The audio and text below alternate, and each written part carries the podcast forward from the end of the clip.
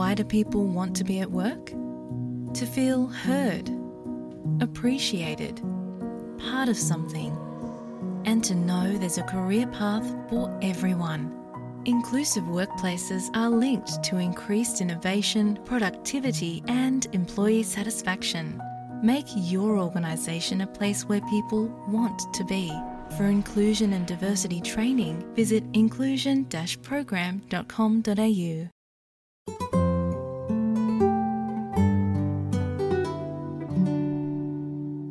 අපි දැන් මේ මොහොතේදී SBS සිංහල ගුවන් විදිලෙන් අවධහන යොමු කරන්න බලාපොරොත්තු වෙන්නේ ඔස්ට්‍රලයාාවේ හාරසිය අසු පහ වීසාකාණ්ඩේ නැත්තං ටෙම්පරි ග්‍රජුවේට් කියන වීසාකාණ්ඩය සම්බන්ධයෙන්. මොකද මේ ඇදි දහස් විසි දෙකේ ජූලි පලවෙන්ද ඉඳලා යම් කිසි සහන කීපයක් ක්‍රියාත්මක වෙනවා මේ හාරසිය සූ පහ වීසාලාබයින්ට ඒ බොනවද කියල දැනගන්න සහහි සංශෝධන මොනවද කියල දැනගන්නයි දැන් අපි සූදන වන්නේ. අපි මේ සාකච්ඡාවට සම්බන්ධ කරගන්නවා ඇඩිලේඩ් නුවර ලියාපදිංචි සංක්‍රමණ නියෝජිතවරයක් ලෙස කටයුතු කරන දේශානයේ දියුණු කළගේ මහත්මියව. දේශානය අයිබෝන් කියල පිළිගන්න අපේ වැඩස්්‍රහන්ට නැවතත් අයිබෝවන් වදුර දේශානය මේ කොවිඩ් බලපෑමට ලක්වෙලා ඉන්න හාරසි අසු පහ වීසලාබයින්ට මේ ජූලි පලවෙනි දයිදලා ඔස්ට්‍රලයානු මධ්‍යවරජය සහනයක් ලබාදීලා තින අපි කැමති සාකච්ඡාව ආරම්භේදී මොකක්ද මේ කතාව කියල දැනගන්න. ඒ වගේම කාටද මේ කාරණාව බලපාන්න කියලත් දැනගන්න. මදුර දැන් මේ ජූලි පලවෙන්ද දෙදස් විසි දෙකේ ජූලි පලවෙන්ද ඉඳලා පොඩි සහනයක් හම්බෙලා තිනවා කොවිD-19 හින්දා. ඒ ඔස්ට්‍රේලයානු රජය ක්‍රියාත්මක කරපු ට්‍රවල් රෙස්ට්‍රික්ෂන්ස් හින්දා ඉෆෙක්් වෙච්ච 4.5 වීසා ලාබීන්ගේ ඒගොල්ලන්ගේ වීසා දික් කරලා තියෙනවා සැප්තැම්බර් 30 වෙනකල් ඒක සිද්ධ කරේ පෙබරවා මේ අවුරුදු පෙබරවාරි වල එතකොට එහෙම වීසා එකක් තිබුණ කෙනෙක් එහෙම නැත්නම් වීසා එකක් එක්ස්පයර් වෙච්ච කෙනෙක් 2020 පෙබරවාරි ඉඳලා 2021 දෙසැම්බර් 15 කියන කාලය ඇතුළත ටෙම්පරරි ග්‍රැජුවේට් වීසා එකක් තිබුණු එහෙම නැත්නම් වීසා එකක් එක්ස්පයර් වුණ කෙනෙක්ට පුළුවන් ටෙම්පරරි ග්‍රැජුවේට් රිප්ලේස්මන්ට් කියන වීසා එකට ඇප්ලයි කරන්න. ඒක ඇප්ලයි කරන්න පුළුවන් වෙන්නේ මේ ජූලි පළවෙනිදා ඉඳලා. දැන් මේ වීසා එකට එතකොට ඇප්ලයි කරද්දී ඇත්තටම අර කලින් ඇප්ලයි කරා වගේම වීසා ෆී එකක් ගෙවන්න වෙනවා. ඒ කියන්නේ ඔස්ට්‍රේලියන් ඩොලර්ස් 1680ක් ගෙවන්න වෙනවා.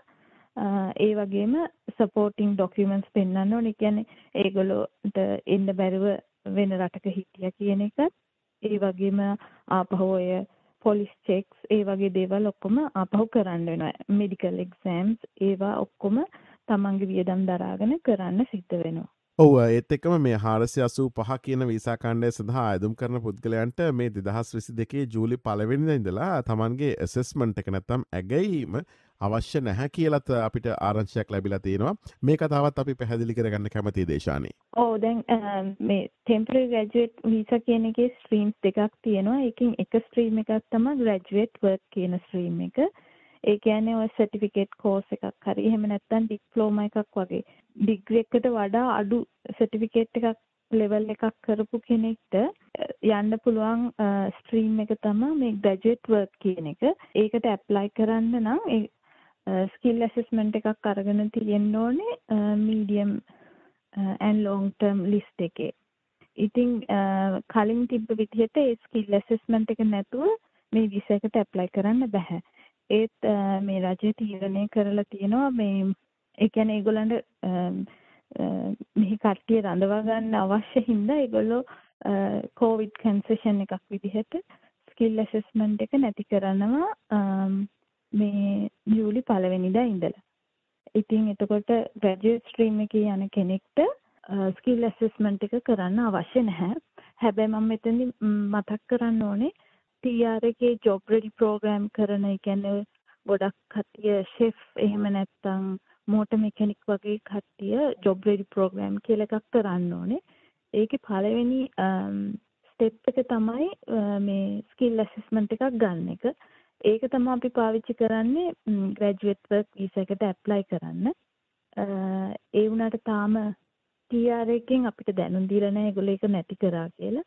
ඒ හින්දා ඒ TR හරහා යන කට්ටිය ස්කිල් ඇසස්මන්ට් එක වීසකට උවමනාවනේ නැති වුණත් කරන්න සිද්ධ වෙනවා.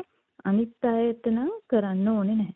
ඔවු දැන් දේශන මේ වෙනස්කමන මේ සංශෝධනය ස්තිරවම හැම දාටම බලපාන එකක්ද? නැත්තම් යම් කිසි නිශ්ිත කාලසීමාවකට ඔවුන් පනවා තිබෙන්නේ. ඕ ඇත්තට මේ වෙනස් කිරීම එගොල්ල තාවකාලික තමා අපිට ඉන්ට්‍රඩියස් කරලා තියෙන්නේ අපිටත් තාම කියලනෑ කොයි කාලි වෙනකල් මේක බලපවත්වෙනවද නැද්ද කියලා. ඒක හින්ද මොකද ගොඩක් කට්ටි අහනවා මේ එහෙනම් ඕන ඩිප්ලෝම එකක් කරලා මේ ග්‍රැජුවේට් වර්ක් වීසා එකට දාන්න පුළුවන් නේද කියලා. මොකද මේ ස්කිල් ඇසස්මන්ට් එකක් ඕනේ නැති හින්දා.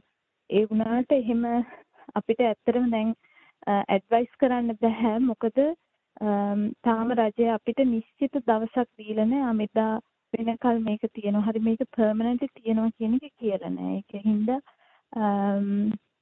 මේක තාවකාලික දෙයක් කියලා තමයි කියන්න තියෙන්නේ. හොඳ අවසාන වශයෙන් අපි තවත් පැහදිලි කිරීමක් කරගම. දේශන දැ මෙතනද හාරසි අසූ පහ වීසාකාන්නයකිවට පස්සේ ස්ට්‍රීම්ස් දෙකක් නැත්තන් දහරාවන් දෙකක් ඔස්සේ ඇදුම්කරුවන්ට ඇදුම් කරන්නට පුළුවන් තමන්ගේ සුසුකම් මත. මේ ස්ට්‍රීම්ස් දෙක පිළිබඳව අවසාන වශයෙන් අපි කෙටි පැහදිලි කිරීමක් කරමු. ඔව මදුර දැන් මේ 485 වීස එකේ ස්ට්‍රීම්ස් දෙකක් තියෙනවා එකක් තමා පෝස්ටඩි වර්ක් ස්ට්‍රීම් එක ඒ කියන්නේ ඩිග් එකක් හෝ ඊට ඉහළ ක්වොලිෆිකේෂන් එකක් තියෙන කෙනෙක්ට මේකට ඇප්ලයි කරන්න පුළුවන්. සාමාන්‍යයෙන් අවුරුදු දෙකක් අඩුම ගානේ ඔස්ට්‍රේලියාවේ ස්ටඩි කරලා තියෙන්න ඕනේ. දැන් මේ දවස්වල තියෙන තව කොවිඩ් කන්සෙෂන් එකක් තමයි ඔෆ්ෂෝ ඒ කියන්නේ ඔස්ට්‍රේලියාවේ නැතුව ඔන්ලයින් ස්ටඩි කරා වුණත් ස්ටුඩන්ට් වීසා එකක් තියෙන කෙනෙක්ට ඒ ස්ටඩි කරපු කාලේ ඔස්ට්‍රේලියන් ස්ටඩි විදිහට ගණන් ගන්න පුළුවන්. එතකොට මෙහෙම මේ වීසා එකට ඇප්ලයි කරොත් එහෙම සාමාන්‍යයෙන් අවුරුදු දෙකක් එහෙම නැත්නම් හතරක් වගේ කාලයකට වීසා හම්බ වෙනවා. නෝමල් ඩිග්‍රී එකක් තියෙන කෙනෙක්ට වගේ නම් අවුරුදු දෙකයි හම්බෙන්නේ. හැබැයි තමන් ස්ටඩි කරේ ඇඩිලේඩ් පර්ත් වගේ රීජනල් සිටි එකක නම් ඒගොල්ලන්ට අවුරුදු 3කට වීසා එක හම්බ වෙනවා. ඊළඟ ස්ට්‍රීම් එක තමයි ග්‍රැජුවේට් වර්ක් ස්ට්‍රීම් එක. ඒකේ ඩිග්‍රී එකට වඩා අඩු ක්වොලිෆිකේෂන් එකක් කරපු කෙනෙක්ට පුළුවන් ස්කිල් ඇසෙස්මන්ට් එකක් අරගෙන මේකට ඇප්ලයි කරන්න. ඒ වගේම තමයි 2011 නොවැම්බර් 5ට කලින් ස්ටුඩන්ට් වීසා එකක් තිබුණු කෙනෙක්ටත් මේ ස්ට්‍රීම් එකේ තමයි ඇප්ලයි කරන්න පුළුවන්. ඩිග්‍රී එකක් හෝ ඊට ඉහළ ක්වොලිෆිකේෂන් එකක් තිබුණා. දැනට මේ ග්‍රැජුවේට් වර්ක් කියන ස්ට්‍රීම් එකේ වීස කාලය කලින් තිබුණේ මාස 18ක් ඒක අවුරුදු දෙකකට දික් කරලා තියෙනවා. හොඳයි. අපි කතා බහ කරමින් පසුයේ මේ 2022 ජූලි පළවෙනිදා සිට ඔස්ට්‍රේලියාවේ 485 වීසා ලාභීන්ට සහ අයදුම්කරුවන්ට සිදුවීමට නියමිත වෙනස්කම් මේ වගේම දෙන ලොබන සහන පිළිබඳව මේ කතා බහට අපි එක් කරගත්තේ ඇඩිලේඩ් නුවර ලියාපදිංචි සංක්‍රමණ නියෝජිතවරයක් ලෙස කටයුතු කරන දේශානය දියුණු කළගේ මහත්මය. දේශානය බොහොමත්ම ස්තුතියන්තනවා මේ අදහස්. අපිත් සමක බෙදා හදාගත්තාට සුබ දවසක් ප්‍රාර්ථනා කරනවා. සුබ දවසක් SBS SBS SBS SBS SBS, SBS Radio.